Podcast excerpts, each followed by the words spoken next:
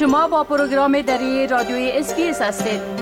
گزارشات عالی را در sbs.com.au دری پیدا کنید. شنونده های عزیز حال با همکار مجیب منیب. درباره موضوعات مهمی که ای هفته در وبسایت ما نشر شده صحبت می کنم. در صفحه اینترنتی SBS به زبان دری با آدرس sbs.com.au دری هر روز مطالب جالب و دانستنی درباره تازه ترین رویدادها و تحولات در بخش های اجتماعی، سیاسی، اقتصادی، فرهنگی و غیره نشر میشه. آقای منیب سلام عرض می کنم خب اولتر از همه اگر بگوین که چی موضوعات مهمه در این هفته در وبسایت ما نشر شده سلام آقای شکیب به شما و شنونده های عزیز. در جریان این هفته مطالب مختلف در وبسایت ما به نشر رسید. در آغاز هفته یک مطلب در مورد این که یک یوتیوبر آمریکایی به خاطر بلند بردن شمار بیننده هایش یا views خود در شبکه های اجتماعی تیاره خود را عمداً سقوط داده و ممکن به 20 سال محکوم شود. یک مطلب در این مورد داشتیم. به تعقیب آن یک خبر در مورد اختصاص دادن بودجه اضافی از سوی حکومت فدرالی استرالیا برای ماموریت دیپلماتیک این کشور در افغانستان داشتیم. یک گزارش در مورد ایجاد یک مرکز ضد کلاهبرداری برای محافظت استرالیایی ها و یک گزارش دیگر در مورد درخواست برای تسریع روند رسیدگی و ویزاهای بشر دوستانه استرالیا داشتیم.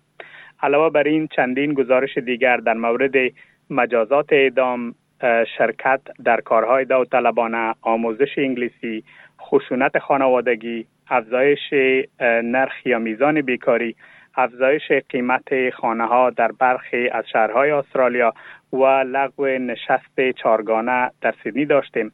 همچنان دو گزارش در مورد وضعیت افغانستان و یک گزارش هم درباره ادعای طالبان در مورد تعیین سفیر جدید افغانستان در هند داشتیم. شنونده های ما می توانند به وبسایت ما به آدرس sbs.com.au دری مراجعه کنند. مطالب ما را بخوانند و به پودکاست های ما گوش دهند. بله خب درباره پایین آمدن میزان بیکاری گفتین. میشه که در این باره یک مقدار تفصیلات بتین؟ بله آقای شکیب تازه ترین ارقام اداره احصایی استرالیا نشان می دهد که میزان بیکاری در استرالیا پس از دست دادن 4300 شغل در ماه گذشته به 3.7 درصد افزایش یافته است. در گزارش ماهانه نیروی کار آمده که نرخ مشارکت نیز به 0.1 درصد کاهش یافته و به 66.7 درصد رسیده. جیمز جیم چالمرز وزیر خزانهداری استرالیا می‌گوید که حکومت انتظار افزایش بیکاری را داشت و میزان بیکاری در استرالیا در مقایسه با کشورهای دیگر جهان پایین است. در همین حال سوزان لی معاون حزب لیبرال می‌گوید که این تغییر نگران کننده است. او می‌گوید که ما به حزب کارگر اقتصاد را تسلیم دادیم که دارای نرخ بیکاری یا میزان بیکاری به سابقه پایین بود. و تمرکز حزب لیبرال پس از کووید روی همین موضوع بود. اما اکنون این موضوع نگران کننده است که شاهد افزایش بیکاری باشیم. اقتصاددانان انتظار دارند که نرخ یا میزان بیکاری در جریان سال روان ممکن بیشتر افزایش پیدا کنه. پیش بینی شده که میزان بیکاری در استرالیا تا ماه جون 2024 به 4.25 درصد خواهد رسید. بله. خب همچنان گفتین که نشست اطلاف چارگانه بین استرالیا، امریکا، ژاپن و هند دایر شده. نتانست که قرار بود در استرالیا دایر شود. میشه که در این باره یک مقدار تفصیلات بتین؟ بله آقای شکیب قرار بود تا رهبران استرالیا، ایالات متحده امریکا، هند و ژاپن هفته آینده به تاریخ 24 می در سیدنی یک نشست چارگانه داشته باشند. اما جو بایدن رئیس جمهور ایالات متحده امریکا به روز چهارشنبه سفر خود را به استرالیا لغو کرد. سفر برنامه ریزی شده جو بایدن رئیس جمهور امریکا با استرالیا در هفته آینده به دلیل مذاکرات در مورد حد یا سقف قرضه آمریکا لغو شده.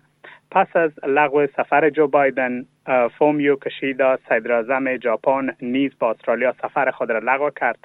آقای البنیزی گفت که او فقط برای نشست چارگانه می آمد پس وقتی که بایدن نمیه به همین دلیل او هم سفر خود را لغو کرده. اما با وجود لغو سفر جو بایدن نریندرا مودی صدر هند با استرالیا سفر خواهد کرد. آقای البنیزی در مصاحبه با رادیو ای بی سی گفته که صدر مودی هفته آینده برای دیدار دو جانبه استرالیا سفر می کند او همچنین جلسات کاری خواهد داشت و در یک برنامه که در المپیک پارک سیدنی برگزار می شود اشتراک خواهد کرد. حزب کارگر در تلاش است تا روابط بین استرالیا و هند محکمتر شود و تجارت بین هر دو کشور به 100 میلیارد دلار برسد.